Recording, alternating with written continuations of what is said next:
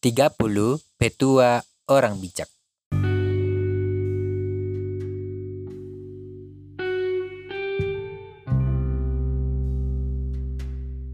Jangan makan roti orang yang kikir, jangan ingin akan makanannya yang lesat.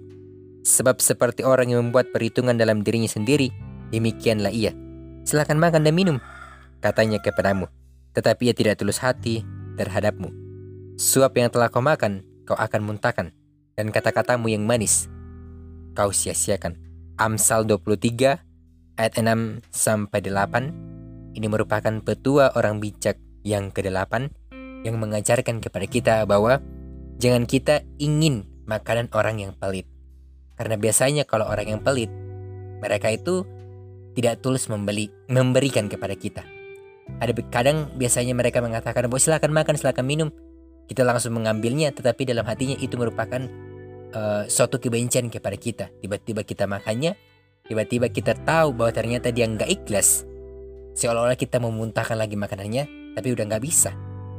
Kita langsung marah-marah sama dia, bukan lagi kata-kata manis kita yang keluar, tetapi mengutuk dia. Jadi jangan sampai hal ini membuat kita tambah dosa lagi ya. Jadi hati-hatilah, jangan menginginkan makanan orang yang pelit.